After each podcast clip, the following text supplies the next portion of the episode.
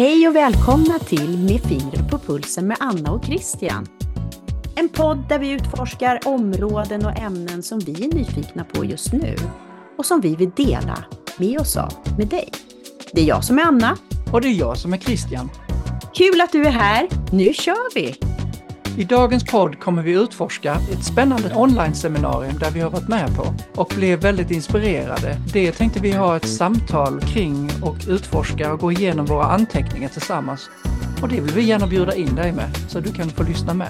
Och vi tänker att du får lyssna med och fundera lite på det vi pratar om, om det finns något som du kan ta med dig till dina kollegor och till din verksamhet och prata vidare om. Precis. Och som alltid mot slutet på podden så kommer vi att ge dagens tips till dig som lyssnar som du kan använda i din vardag förhoppningsvis. Häng med på resan. Det blir en eh, spännande dag och ett bra samtal. Nu kör vi! Yes! Men då, och då är det ju så här, en bra start på ett samtal, det är ju att vi värmer upp lite. Så att eh, då brukar ju vi checka in och den här frågan som jag tänkte på eh, idag, det har ju med namnet på vår podd att göra. Det här med att ha fingret på pulsen, Christian. Idag är det fredag och eh, om du tänker tillbaka på den här veckan, vad har fått din puls att slå lite extra den här veckan? Ja, men för mig så är det att vi är i en väldigt spännande fas. Det märks att året har kommit igång och det är väldigt mycket som bubblar och vi är i en eh, fas där vi har börjat podda och vi har börjat liksom eh, jobba med massa spännande eh, uppdrag och sånt också som i förra veckan när vi var i Värmland. Så just nu så, så, då känns det som en väldigt kreativ, det, det, känns lite så vårkänsla. Jag hörde en av de här vårfåglarna började sjunga i morse så att det, det bubblar liksom så här grönska och eh, energi inom mig och eh, konkret så har jag haft ett väldigt roligt scoutmöte igår kväll där jag jobbade helt annorlunda än jag brukar göra det och släppte loss väldigt mycket. Istället för att planera så var det väldigt eh, med samskapande och det var väldigt häftigt att göra det på det sättet och, och släppa ut och bjuda in alla att vara med. Så det har jag just nu fingret på pulsen och alla de här spännande sakerna vi ska göra. Vad tänker du? Får jag bara, innan jag går in på mig, får jag bara fråga, du säger att det blev väldigt annorlunda. Vad var det som blev annorlunda när du gjorde så? Ja, men eh, bra. Vi hade ett föräldramöte och istället för att vi skulle ta alla scouterna ut och göra någonting och så skulle vi sitta kvar med föräldrarna inne eh, som vi har gjort tidigare så mixade vi så att vi tog både scouter och föräldrar tillsammans och där vi hade ett antal punkter vi ville gå igenom. Men så sa jag att i, kvällen här ska vi skapa tillsammans. Så att vi hade inte dukat fram fika, det var någonting som vi skulle göra. Liksom ingenting var serverat. Vi hade en plan, jag hade ritat upp på tavlan vad vi skulle gå igenom och sen eh, bjöd jag välkommen och liksom satte ramarna för kvällen, frågade om de var med på det och sen slapp vi liksom processen fritt och då fick scouterna gå in och säga, ja men nu vill vi prata om det här. Föräldrarna vill fråga, ja men hur gör man då när man ska packa den här ryggsäcken? Så det blev en mycket mer eh, organisk eh, process än om att vi ledare hade planerat, ja nu ska vi göra så här och så här och så här.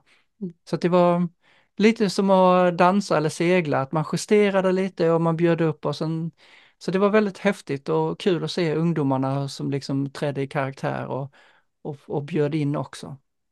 Jag frågar en fråga till. Ja, absolut. Hur kom det sig att du, att du gjorde så här då? I just igår? Men jag, jag blev lite inspirerad av dels det här, eh, vi har, vi har ju många samtal du och jag hela tiden, så jag blev väldigt inspirerad av det, plus att jag ville prova någonting nytt. Vi jobbar ju väldigt mycket med det här med att leka. Eh, och när man leker så testar man ju saker och ibland så funkar det och ibland funkar det inte, men det är okej okay, för vi bara leker. Mm. Um, och det är ju det som vi, man jobbar också med det agila arbetssättet och sånt där man testar fram och sånt. Så jag ville testa någonting nytt och, och, och liksom prova och, och, se om det funkade. Mm. Coolt, jättekul. Ja, det var häftigt. Ja, kommer du göra så fler gånger? Absolut. Fast nu lärde jag mig också någonting apropå det här med att lära att, att att nästa gång så ska vi till och med förbereda det ännu mer. Eh, vi ska dels, skulle vi kanske inte lägga ett helt scoutmöte på att ha ett föräldramöte för att även om det var så här medskapande och engagerande så tyckte scouten att vi skulle ha gjort lite mer scoutiga grejer. Så Det, det ska vi lära oss, eller så ska vi involvera dem att de ska stå för mötet så att de får styra det helt. Så att jag egentligen bara låser upp och tänder lyset och så har de liksom eh, taktpinnen liksom. Mm. Det kan vara lite svårt för de har inte den erfarenhet kring utrustning och sånt, men då får de ju bjuda upp mig istället för att jag bjuder upp dem. Så att, eh, ja, absolut ska vi göra det här fler gånger. Kul! Ja men bra. Anna, vad, vad har fått din puls att slå lite extra denna veckan? Massa saker. Den slår, den slår väldigt. Min puls är igång känner jag. Det är en bubblande och kul vecka och jag tror att det hänger ihop med att vi fick med oss så mycket energi från när vi var i Värmland förra veckan. Och jag tror att vi kommer behöva berätta om Värmlandsbesöket i en egen podd, för det var väldigt spännande. Men just den här veckan eh, så har ju också min kör startat. Jag sjunger ju i en kör som heter Happy Voices och som är en jättekör. Jag tror att vi är någonstans 700-800 som träffas varje måndag kväll och leds av fantastiska Gabriel Fors som jobbar, alltså det, allt utgår från gehör. Så lyssnandet och modet och testa och prova, det är liksom ledord och han är en sån otroligt duktig sångpedagog med oss. Alltså. Han får oss att sjunga på ett sätt som man tror inte det är sant. Och jag, eh, jag har faktiskt tänkt på att jag, jag mitt lärande, alltså jag har alltid sjungit mycket men tappade bort det här med körsång under väldigt många år. Och så var det en kompis som drog med mig på det här och det är så häftigt. Och eh, då går man bara till den här kören och eh, det finns tre stämmor. Allt, sopran och tenor. Och så sätter man sig och provar på. Ja men prova. Och så sa han så här i måndags att ja men jag tänker det här första gången, prova att sjunga i lite, sjung med i de olika stämmorna. Du behöver inte fastna i en viss stämma. Och jag har sjungit med i altstämman eh, två terminer nu och så tänkte jag, nej men jag ska nog prova sopran. Så att jag harklade mig och eh, spottade upp mig och sjöng med i sopranstämman och det var ju så roligt. Så att ja, det, det har fått mitt, jag fick med mig så mycket och vi ska ju sjunga en sång på italienska när vi ska ha konsert i april. Så det är wow! Jag kommer återkomma till min körsång tror jag. För det här är, det ger mig så mycket energi och kraft och glädje. Jag går därifrån med ett stort leende på läpparna. Mm. Det, märks, det märks varje gång du har varit iväg och du var lite sliten på måndagen när vi jobbade, eh, men sen var det där måndag kväll och tisdag var det helt flygande och elektriskt och faktiskt varit det hela veckan. Så mm. det är väldigt häftigt att, eh, att uppleva det och märka vad, vad det gör vid just dig. Så pass mycket att jag till och med, och det är ingenting jag liksom säger, åh jag ska sjunga en kör, men alltså jag kan bli liksom här bara, jag måste nästan testa det. Eh, ja, då, det finns i Malmö. Ja men precis, det finns vad du säger, Malmö, Göteborg, Stockholm va? Och, ja, ja, ja, men det är häftigt. Mm. Happy voices. Ja. Bra! Exakt.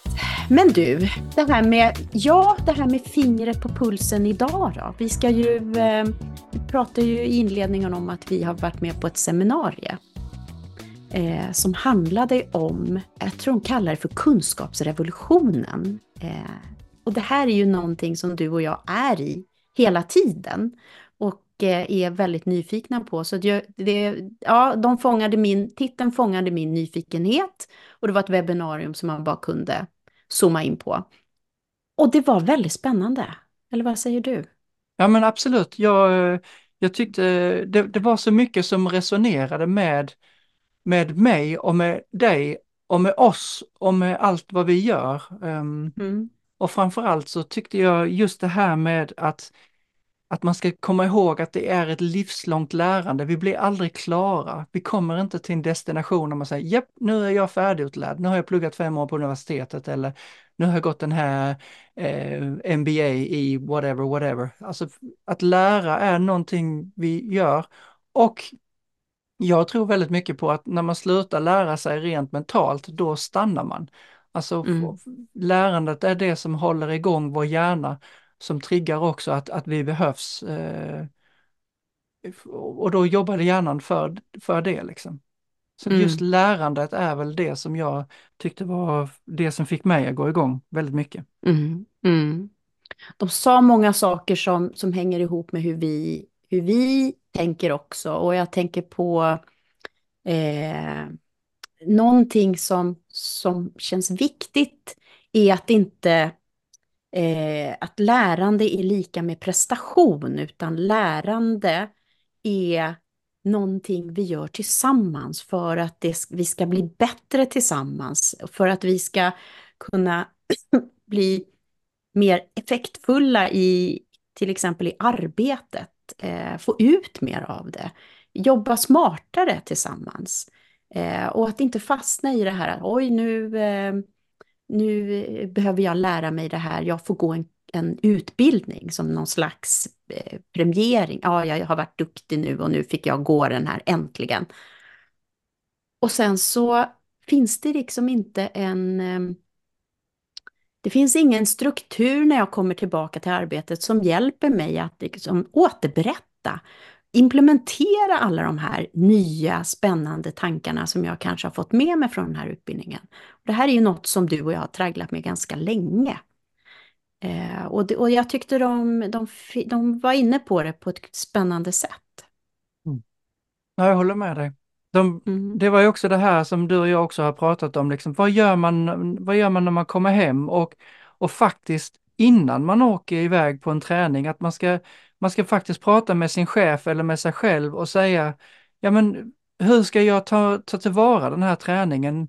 För att vardagen, när du kommer tillbaka, äh, så träffar vardagen dig direkt och då kan det vara svårt. Och så som du sa det här med att, ja men, att, att ja men nu har du blivit premierad, nu ska du få den här utbildningen. Då kan det också vara så här, ja men Christian fick åka iväg och vi är inte intresserade för att vi fick inte åka iväg. Utan man måste på något sätt ändra hela det här mindsetet och jag tror det är det som gör också att du och jag går så mycket igång. För vi pratar om det här med hur skapar man en lärande kultur och hela det här mindsetet kring lärandet. Så att ja, det finns så mycket man skulle vilja liksom gräva in i. Ja, precis. Och och jag tycker det, det, finns, det blir någon konstig tankevurpa man har om man ser det som en premiering och inte ser det som en investering. För att eh, om man ser det som en investering och bygger, liksom börjar tänka på det här som en lärkultur. Det här gör vi för att vi hela tiden behöver utvecklas och förädla oss som organisation och som arbetsgrupp och hur vi kan leverera. Då behöver man ju, precis som de sa, som jag gillar, du behöver börja tänka på lärande som ett, bygga in det, skapa en systematik kring det, ett systematiskt arbetssätt för reflektion och lärande. För det är väl det som vi ofta får höra, att det finns ingen tid att reflektera tillsammans. Det, liksom, vi ska bara in och prestera. Och till och med blir ju det här som vi propagerar mycket för, ja men checka in, Landa i mötet, checka in tillsammans, ta en fråga. Till och med det är ju utmanande i vissa. Många gör det mer och mer, men vissa har jättesvårt. Man bara börjar jobba. Och jag tror liksom att den här reflektionen är nödvändig för att vi ska bli smartare och effektfullare tillsammans. Och det kommer, det kommer ju ge oss eh, tidsvinster det här. Absolut. Något av det jag vet du också går igång på, men det var ju verkligen som om att eh, av de här fyra människorna som satt och snackade så var det ju som om att speciellt en av dem det var ju som om att de hade klonats av oss. De, de satt ju och pratade om tänka tillsammans. Det ordet kommer flera gånger. Ja, vi måste komma ihåg att tänka tillsammans. Vi måste komma ihåg det här att lyssna och det, det, var som om att, att, på något sätt att vi var med, att, att det vi gör och det som vi jobbar med och det sättet, att det var så mycket där och den här stunden att, precis som du säger, att reflektera. Okej okay, Christian, nu ska du åka iväg på den här kursen. Vad, vad tänker du att du ska få ut av det liksom? Vad tänker du att du ska lära dig? Hur ska du få tillbaka det här när du kommer hem? Vad ska du berätta? Och så kommer man tillbaka från kursen. Ja men spännande, vad, vad, vad, vad lärde du dig? Vad liksom, så att man också liksom gör någon form av um, system, precis som du säger, för att implementera och planera tiden för att lyssna. Liksom. Och det, det är ju där ett steg är ju som att, att skapa en lärande organisation, att man tar sig tiden att stanna upp för att höra, okej okay, nu har Christian och Anna varit iväg på den här utbildningen, vad har ni med? Vad kan vi lära? Hur kan vi bli bättre? Där liksom. Det tyckte jag var jätteviktigt att framhäva. Mm. Det där är jätteviktigt. För jag tänker att det hänger ihop med en fråga som, som jag ofta har fått eh, av flera som, jag jobbar ju med eh, den här samverkansutbildningen som Länka Consulting har bland annat. Och eh, så kommer jag in som en del av den utbildningen och har grafisk facilitering. Och det är så himla roligt för då slappnar de av lite. Och då, då, då kommer de här ref, reflektionerna fram de tycker ju att den här utbildningen är fantastisk och den är väldigt bra och det är så, det är så mycket, det är ett helt nytt tänk de får med sig. Som inte bara är att gå hem och förklara utan det behöver verkligen få sjunka in. Och då kommer ofta den här frågan, ah, men hur, hur gör man då? Hur börjar man då? För det här som vi lär oss och, och det känns så naturligt här i den här kontexten med länka och, och hela det sammanhanget det är så främmande från hur vi jobbar hemma hos mig. Så hur ska jag börja? Och då blir det nästan lite som en sån här uppgivenhet, att man nästan ger upp innan, innan man eh, har liksom gått klart utbildningen ens. För det känns, det känns som en uppförsbacke. Och då tänker jag att då är det ju jätteviktigt att, att det finns ett, ett system som tar emot och som stöttar och som kan hjälpa mig att värdera det jag kommer med, så man inte bara, allt kanske inte funkar, men utan att det finns det här utforskandet liksom. Okej, berätta mer, hur funkar det här? Ja, vad spännande, hur skulle vi kunna använda det här? För att om vi inte börjar att prova och testa och ser hur det funkar, ja, men då kommer det aldrig leda till de här beteendeförändringarna som vi är ute efter. Vi vill ju ha möten på ett annat sätt, vi vill jobba på ett annat sätt.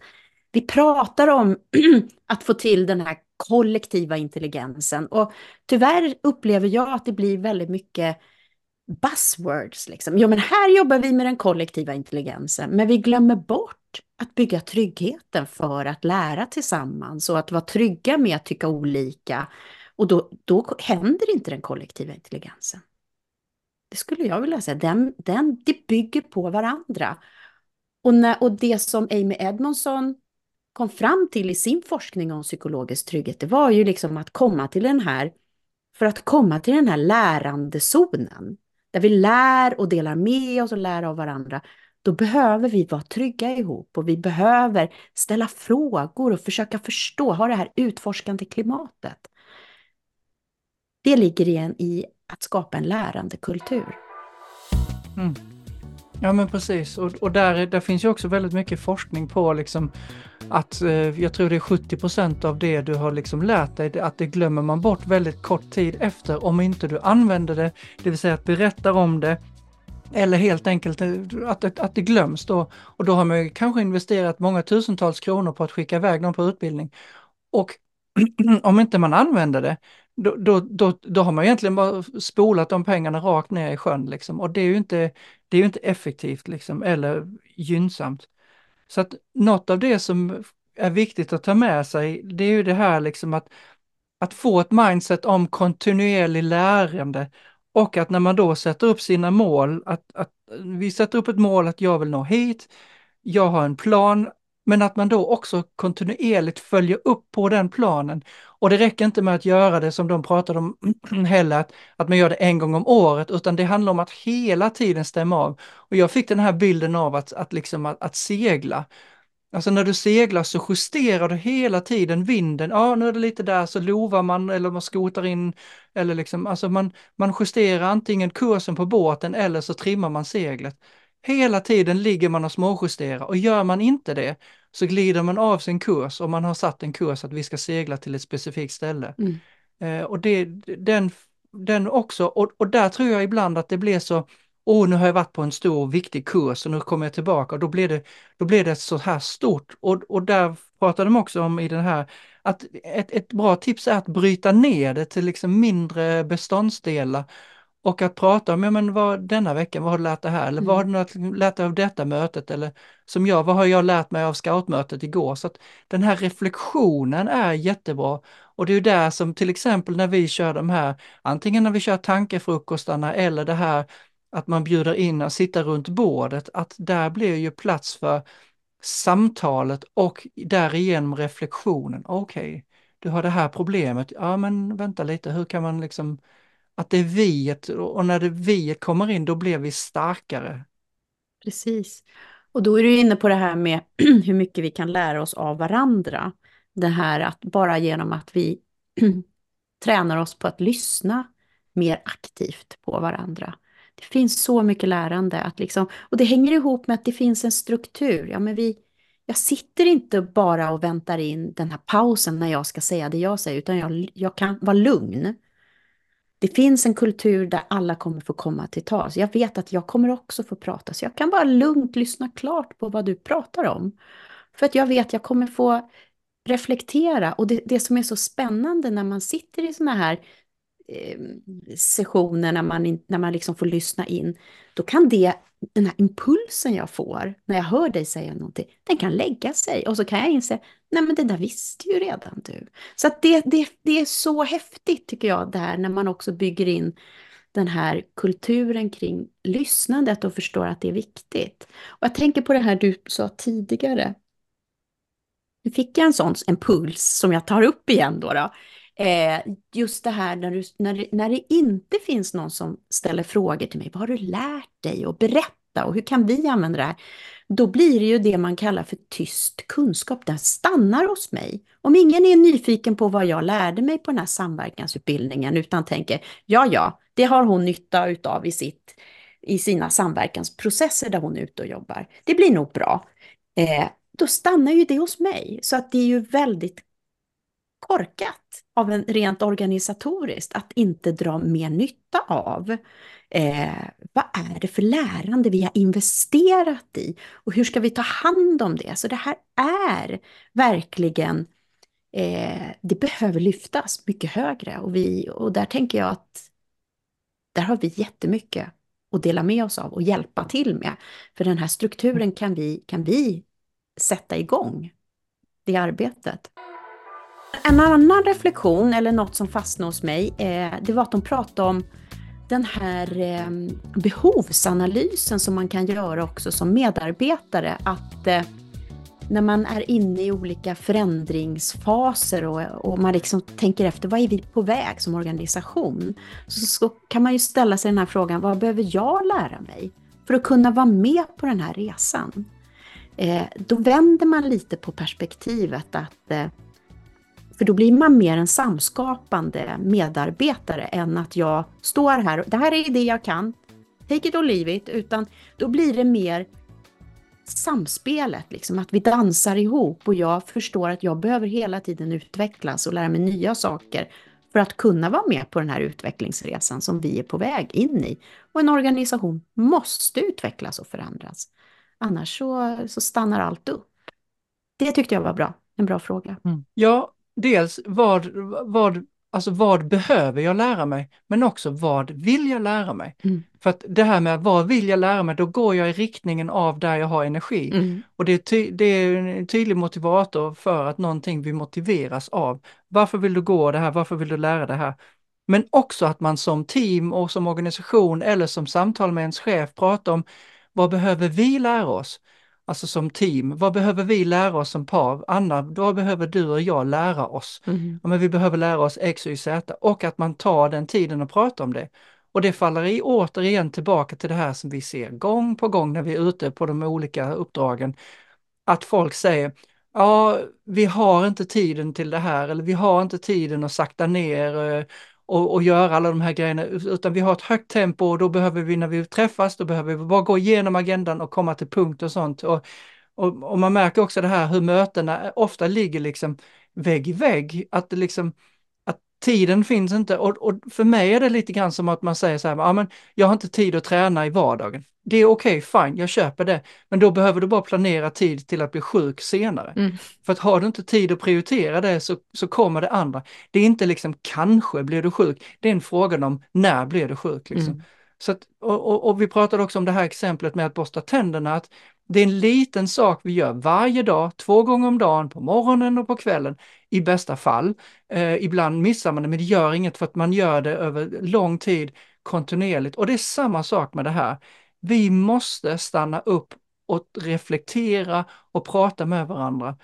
Precis som när vi kommer ut och vi hör liksom att folk, oh, det är så skönt att träffa er för att bara sitta och prata med varandra, det är så inspirerande och sånt och det har vi aldrig tid med. Nej. Det, det tycker jag är viktigt att framhäva. Verkligen, så att det jag fick med mig är att eh, som ett medskick är ju det här att boosta kunskapen om lärande, jätteviktigt. Hur lär vi? Hur kan vi integrera det vi lär oss på utbildningar, inspirerande föreläsningar och kurser, det vi får med oss utifrån. Hur tar vi med det in i vår organisation? Hur kan vi förstå? Hur kan vi liksom bli bättre på att bygga in ett lärande i vår vardag som en del? Vi behöver inte göra det så svårt och stort. Bygg in det som en del av ett möte. Ställ frågor som mm. vad har vi lärt oss idag? Hur var processen? Idag testade vi det här arbetssättet. Hur, hur tyckte vi om det? Gör små, små eh, test. Och an, kanske använda ord som, om vi provtänker lite nu. Jag har med mm. mig en, jag har en, en, en tankemodell som, som vi skulle kunna testa i den här delen av mötet. Och, och, för att få till de här, det är svårt att göra bara sådär impulsivt. Åh, här kan vi göra det här. Jag och du lägger ju, jag skulle vilja säga, när vi får frågan om att vara med och processleda någonting så lägger ju vi 70, räcker 70 procent i designarbete där vi liksom försöker förstå vad är syftet med den här dagen? Vilka ska vara med? Vad behöver de förstå? Eh, hur, kan vi, hur ska vi jobba för att få till de här dialogerna som behövs? Vad ska de ha med sig därifrån? Hur lång tid får det här? Alltså vi sitter ju nästan med eh, eh, liksom 10-5 minuters eh, Eh, uträkningar. Det här tar så lång tid, okej, okay, där, sen ska de förflytta sig. Vi gör ju ett jättetydligt schema för att det ska kunna finnas som en grund. Så när vi är i stunden och behöver göra någonting annat, då har vi en tanke om hur vi syr ihop det på slutet eller hur vi, vilka moment som är viktiga. För då kan vi in the moment facilitation som det tjusigt heter, då kan man välja att vi stryker det där. Och det där gör ju du och jag nästan nu för tid bara med en blick. Japp, jag är med, jag fattar. Och det, mm. är, det är inte för att vi är så himla eh, smarta eller att vi så... Det är för att vi lägger ner jättemycket tid på att tänka hur, vad behöver vi göra? Vi designar. Mm vad är det, var det Ingvar Stenmark som sa, ju mer jag tränar ju mer tur får jag. Ja, sånt där. precis. Och så var det det här också, if you plan to fail, you fail to plan. Mm. Alltså att, att man liksom, att det, det, spelar en roll att vi är förberedda och, och även i det här när vi pratar om mötesdesign, spelar ingen roll om det är det hybrida eller om vi träffas live eller bara online. Men det här att man har gjort sig en förberedelse och tänkt igenom vilken typ av möte är det här? Vem ska vara med, precis som du säger, att, att man gör det förarbetet så man inte bara drar in och, och pratar om liksom, ja, nu drar man med sina slides och så kör vi arbetsmöte, beslut och sånt. Alltså, vi måste i organisationen skifta fokus från resultat till ett lärande. Och där tyckte jag att ett, ett bra tips som en av dem kom med, det är att man ställer frågan ut i sin grupp eller sådär. Vad är ditt bästa tips på att lära i vardagen? Och då får man då, och då sa han, ja men det brukar han göra via Menti. Och, och då får han alltid in massa svar och väldigt bra idéer från gruppen, man engagerar gruppen också. Och då kan man packa upp liksom och säga, ja ah, men spännande, jag blir lite nyfiken när du säger det här. Så det är ett väldigt bra tips som våra lyssnare kan liksom ta med sig. Vad är det bästa tips på att lära i vardagen? Mm. Och återigen, då blir det lite så här, bryta ner det i små steg. Ja, precis, för de, exakt det här nudging, alltså små knuffar i vardagen. Testa, du behöver inte ha med dig allt från en utbildning direkt, utan prova någ, ta en sak i taget. Och var noga med att det här är, vår, liksom var transparent med att säga att det här, det här är någonting nytt. Då behöver du inte lägga lika hög press på dig själv. Att jag tänkte vi kunde leda, att jag kunde leda den här dialogen på det här sättet idag. Eller att vi, vi ska prova att göra så här i vår incheckning. Men framförallt så tänker jag också ett viktigt tips är att ta med dig mycket frågor om, som får gruppen att reflektera kring processen, kring liksom vilka nya tankar som har kommit upp och hur tar vi dem med oss framåt? Liksom de här frågorna som är eh, framåtriktade och eh, som liksom får oss att känna, gud vi fick mycket gjort idag och det här var spännande det här var spännande. Det här kan ju jag börja testa och kanske också få ett... Eh, eh, när kan vi testa det här nästa gång då? Så du får lite momentum i det också. Mm. Och det här är ju ingenting vi sitter och bara, ja men det här tycker vi, utan det här är ju, det finns ju väldigt mycket belägg och väldigt många som forskar omkring det här. Det är också väldigt många som, eller det är ju några stycken som går ut och propagerar för att, att ha lärandemål som kopplas direkt till företagets mål. Liksom det här med constant improvement och att man ska börja mäta lärandet, att det är också ett mindset som ska komma uppifrån och si, liksom sippra ner genom hela organisationen. Ledarskapet ska börja utifrån. Vill du att, eh, han berättade om att, att en ledare ville lära sig mer om AI, då gick han själv en AI-kurs och sen skickade han ledningsgruppen på AI-kursen och sen att det sipprar ner.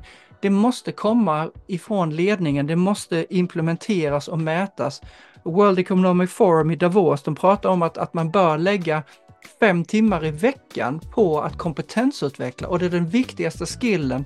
Och att vi i Sverige har, vi har kommit lite efter där man tidigare tittade mycket till Sverige och så vidare. Men vi har kommit lite efter i det här med att lära oss och sånt där. Och det är, ska vi ha en chans att hänga med då måste vi kontinuerligt lära oss och då måste vi också prata. Men vad har du lärt dig denna veckan? Vad kan jag lära mig av dig? Mm. Wow, det där var spännande. Hur kan jag lära mig det? Liksom? Mm. Och, um... och, då skulle jag vilja utmana också det här, eh, när du säger AI skulle jag vilja säga AI på ett annat sätt. Att investera tid, alla ska gå jättemycket kurser just nu och lära sig vad artificiell intelligens är. Och jag tänker, lägg faktiskt tid och pengar på att förstå vad appreciative inquiry är. Ett eh, uppskattande och lösningsfokuserat eh, förhållningssätt.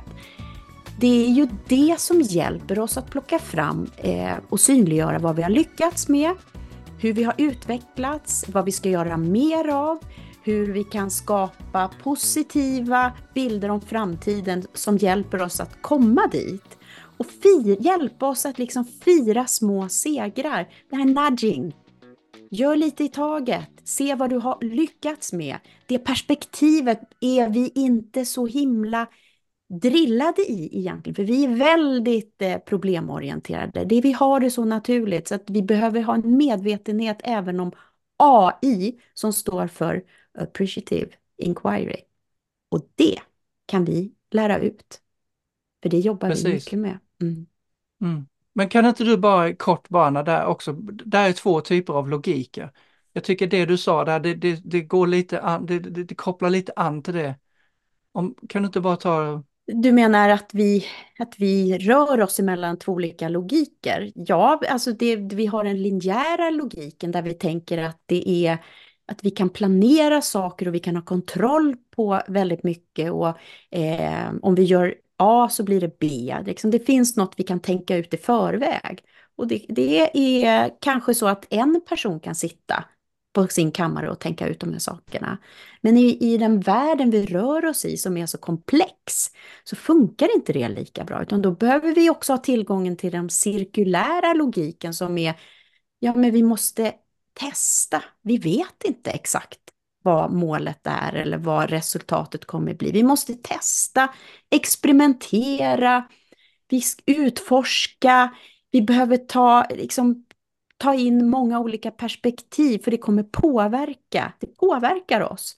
Och då är det en annan tillgång. Och det är ofta de som krockar med varandra. Den, om jag är inne och jobbar med människor utanför min organisation och vi skapar liksom en logik tillsammans och kommer på saker. Sen ska jag hem och förankra och berätta om den. Och där möts jag av det här eh, lite mer förutbestämda och lite mer kontrollerande. Och det, det är en resa att göra. Det är liksom en balansgång som man behöver förstå. Hur tar jag med mig de här nya tankarna hem och förklarar dem så att vi kan få in dem i vår verksamhet på ett bra sätt.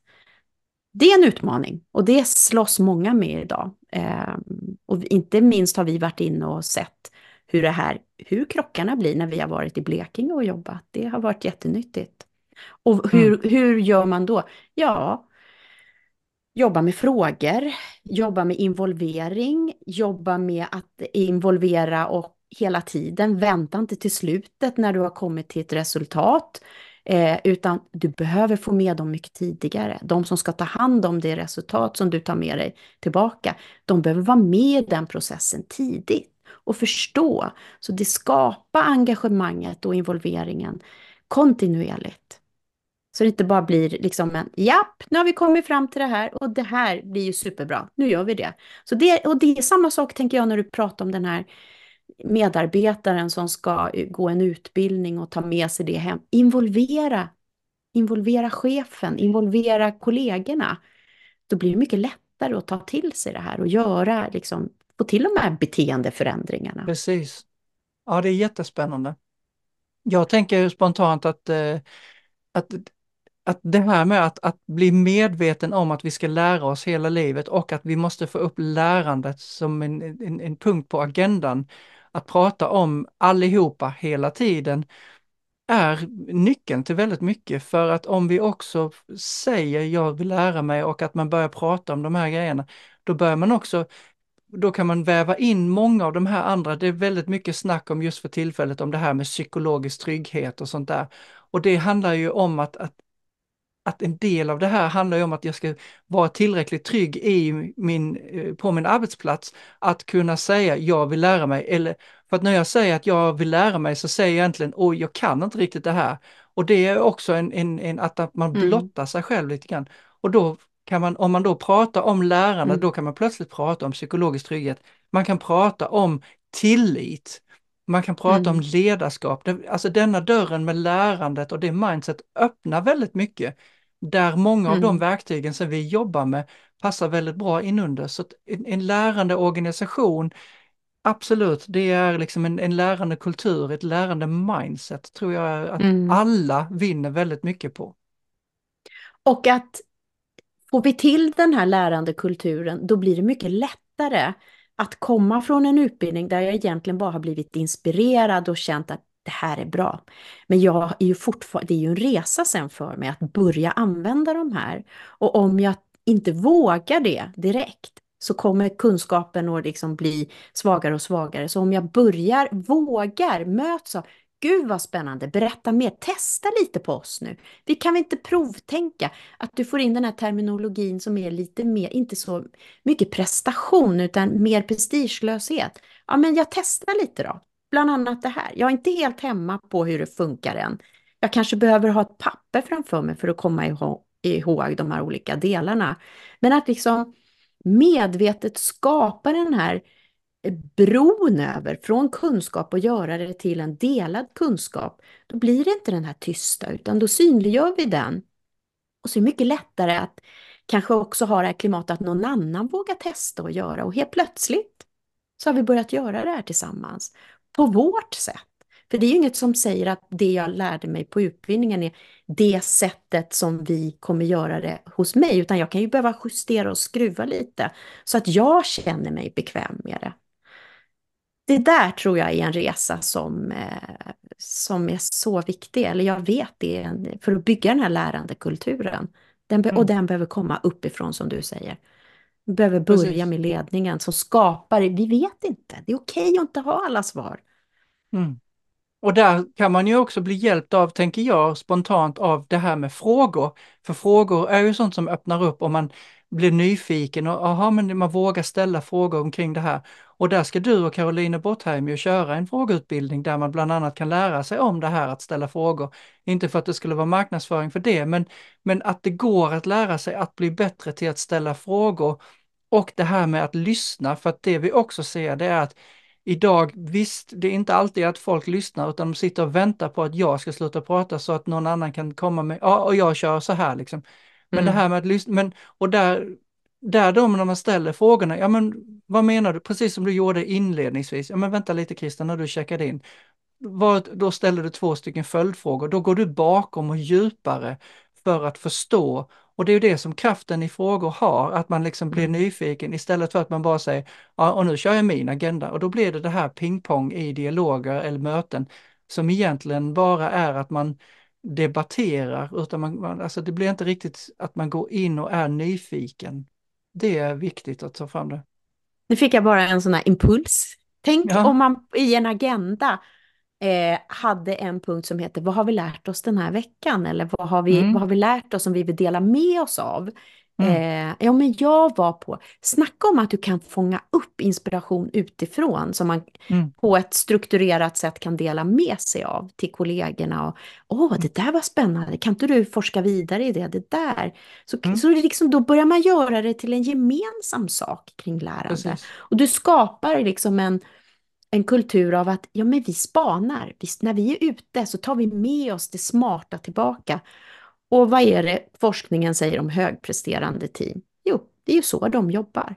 Man ja. jobbar alltid med att liksom ta tillbaka hem, hörni, jag hörde det här, ska vi testa det? Och, och, en högpresterande grupp har ju en kultur där man är liksom väldigt utforskande, man ställer mycket frågor. Eh, det, det, behöver inte betyda att man bejakar alla idéer som kommer, men man tar sig i alla fall tid att utforska dem och se hur skulle vi kunna använda det här? Spännande! Det där var en bra idé. Vi kanske får spara den till senare eller yes! Forska vidare så kan vi se hur vi kan jobba med det här. Så att, mm, det här är ju um, ett ämne som man kan tycka, ja, ja, det pratas ju om, men jag tror att det är nödvändigt just nu att skapa en lärande eh, kultur för att det finns så mycket vinster med att göra det. Det, det är tuffa tider, det är neddragningar, folk får sluta. Tänk vad mycket kunskap som bara liksom försvinner ut, som vi inte hinner tanka av. Bygger vi den här kulturen så kan vi liksom bygga upp en gemensam bank av kunskap och kompetens. Dels det, jag tror också, gör vi mer av det här, det blir roligare, du bygger arbetsglädje, du bygger tajtare, eh, liksom, tryggare team. Och eh, jag tror att i slutändan kommer vi tjäna pengar på det. Jag är rätt säker på det. Helt säkert. Det finns faktiskt en, en, jag var ute hos ett bolag i Danmark där de lönesätter efter hur mycket har du delat med dig av din kunskap till dina kollegor. Så de har en, de har en KPI där de mäter ditt, eh, ditt sätt att dela med dig. Istället för att man sitter på kunskap så är det, det handlar om att du delar med dig och då är det de andra som mäter, ja men Christian har berättat det här och det här och det här. Så de har helt enkelt systematiserat och det är med att påverka lönen. Inte att man måste accelerera i, i karriärstegen med positioner, utan är man bra som säljare, då kan man stanna kvar som bra säljare. Mm. Och att man då ökar i anciennitet och så vidare, det är hur, hur bra man blir på att dela med sig och lära andra. Och det är ju verkligen att skapa en lärande kultur. Liksom. Mm. Ska vi runda av? Mm. Har vi, har vi fått med, har vi fått med, har vi, har vi pratat om, nu tittar jag på min, eh, mina noteringar från när jag satt och lyssnade på det här. Har vi sagt någonting om 40-20-40. Eh, Vi har varit lite inne på det, va? Det här högeffektivt lärande. Nej, men när du säger 40-20-40 så har vi inte använt det ordet tidigare, så det måste du nog förklara. Vad, vad innebär det? Ja, men det är, ju en, det är ju en tanke som hänger ihop med lärande, som handlar om att hur, du, hur vi kan skapa, medvetet skapa ett högeffektivt lärande. Vill vi ha ut 100 procent, mycket större del av ett möte, en utbildning, en process, så behöver vi bryta ner den i, eh, vi kan inte tro att 100 procent ska ske när vi möts i, i i grupperingen. Det behöver finnas ett innan, ett under och ett efter. Någonting behöver ske innan vi möts, 40 procent. Eh, att jag tänker innan jag gör, någon läser något, tänker någonting kring det, förbereder mig på något vis. Sen möts vi, då är det 20 procent. Eh, och vi gör och vi skapar nya, vi löser frågor och vi tar med oss frågor som vi i efteråt, 40 procent, går hem och löser, jobbar vidare med. Så det här är liksom en procent för att, eller en, en process för att skapa ett högeffektivt lärande. Mm. Då involverar vi det, vi skapar ett engagemang kring det. Det är lättare att få ett engagerat möte om jag har givit någon eh, möjlighet att förtänka lite och, och göra sina tankar innan man kommer. Om man som lyssnare vill eh, söka lite på det, är det någon, eh, ett namn eller något sånt man ska kolla på där eller? Mm. Det här är ingen ny forskning utan det här är en man som heter Robert Brinkerhoff som har forskat mycket kring eh, lärande, lärandepedagogik. Eh, Robert Brinkerhoff, eh, high, eh, nu tappar jag det, högeffektivt, högeffektivt lärande. Mm. High impact learning Precis. heter det. Mm. Det är spännande. Mm. Det kan du titta lite på, du som lyssnar, och eh, även söka på något som heter blended learning, går också in mm. under där. Och sen tänkte jag också på det här att lära sig att lära, för det är inte alla som vet hur man lär sig. Och där har man tidigare pratat om olika lärstilar och där finns väldigt mycket forskning om att mm. man tidigare pratade om, ja ah, men du är auditiv eller visuell eller sånt, men det, det, är inte riktigt det för att vi är en komplex människa där vi har en höger och en vänster hjärnhalva som hela tiden jobbar tillsammans, man är inte det eller det.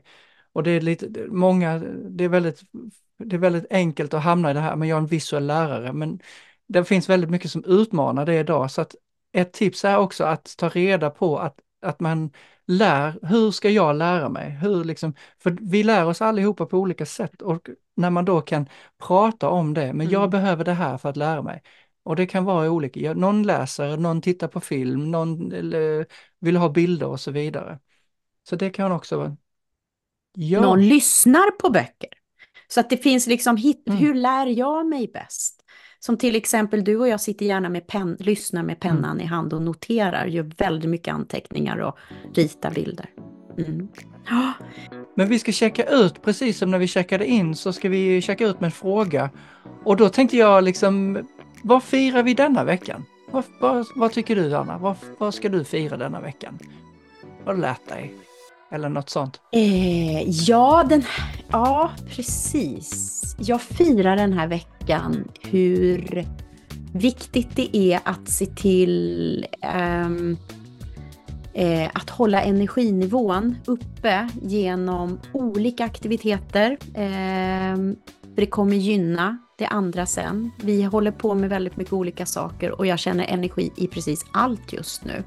Eh, och det är jätteroligt. Så att eh, och då tror jag att jag har fått den här energiboosten den här veckan genom att du och jag var ute och reste och var i Värm härliga Värmland var vi förra veckan du och vi träffade så goda människor som pratade om att Gerd bara ska gjort, bara gjort Gerd. Eh, det var jättekul, vi fick med oss massor där och kören är igång. Och det, som du sa, det gör mig glad. Och då har det bubblat massor, så det ska jag fira.